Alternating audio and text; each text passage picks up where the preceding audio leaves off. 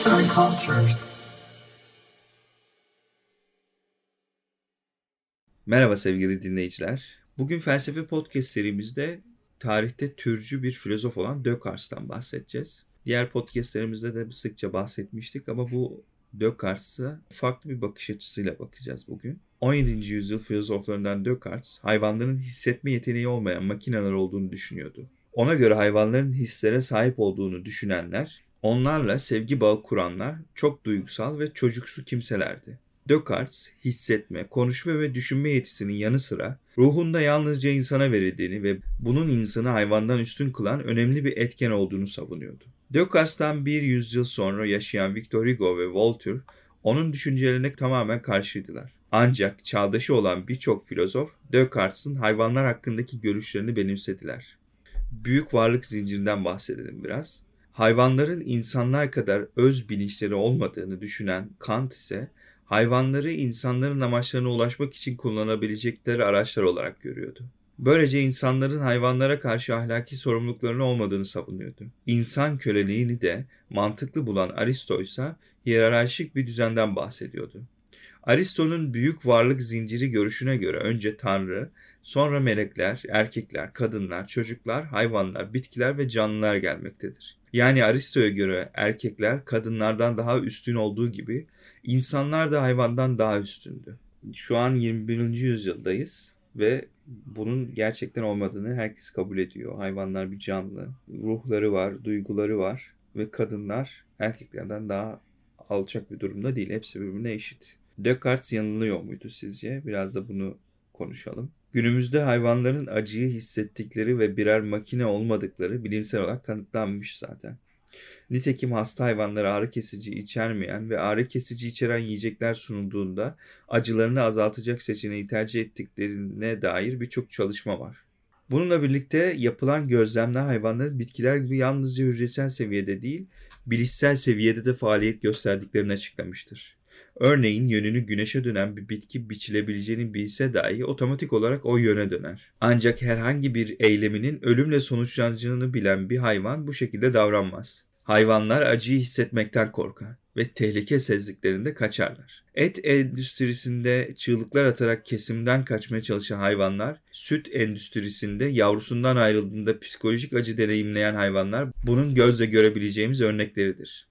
Kedi, köpek, keçi, ördek ve domuzlar gibi birçok hayvan bir arkadaşının ya da sahibinin ölümü karşısında yas tutar. Özetle hayvanlar hem psikolojik hem fiziksel acıya karşı duyarlı, bu acıları hissedebilen canlılardır.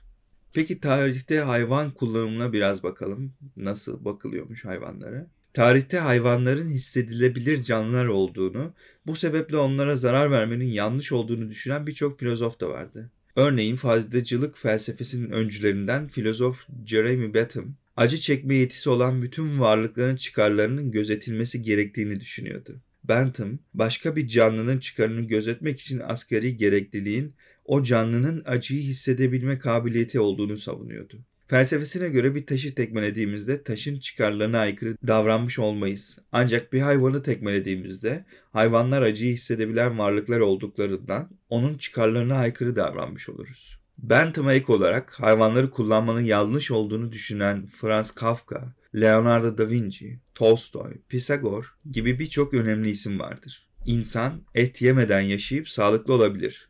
O nedenle et yerse sırf iştah için hayvanların öldürülmesine payı olur. Ve böyle davranmak ahlaksızlıktır. Sözünün sahibi Leonardo da Vinci'nin vejeteryan olması nedeniyle arkadaşları arasında alay konusu olduğu bilinir. Vejeteryan yaşayan Yunan filozof ve matematikçi Pisagorsa hayvan kullanımının şiddeti güçlendirdiğine vurgu yaptığı şu sözü söylemiştir. İnsan diğer varlıkların acımasız yok edicisi olduğu sürece sağlık ya da barış nedir bilmeyecektir. İnsanlar hayvanları katlettiği sürece birbirlerini öldürecekler. Cinayet ve acı tohumları eken sevinç ve sevgi biçemez.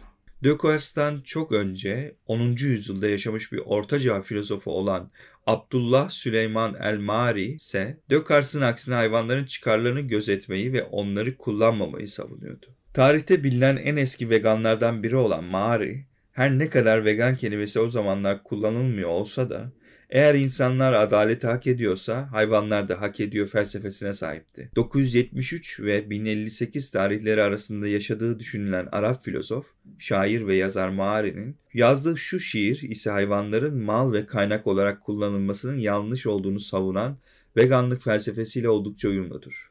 Şiirin ismi artık tabiattan çalmıyor. Kavrayışta ve dinde muallelsin. Bana gel ki hakikatin sesinden havadisleri duyabilesin. Sudan ayrılan balıkları haksızca yeme ve yemek diye arzulama katledilen hayvanların etlerini veya annelerin saf içimini asilzade hanımlara değil yavrularına adadığı ak sütünü ve yumurtalarını alıp masum kuşları kedere boğma. Adaletsizlik kabahatlerin en fenasıdır. Ve arıların mis kokulu bitkilerin çiçekleri üzerindeki gayretleriyle elde ettikleri bala kıyma. Başkalarının olsun diye istiflemedikleri gibi bağış ya da hediye olsun diye toplamadıkları için. Ve elimi tüm bunlardan çektim. Keşke yolumu, şakaklarım ağırmadan önce fark etseydim. El Mağari Yazan Ayşenur Deveci Seslendiren Rıdvan Tüzemen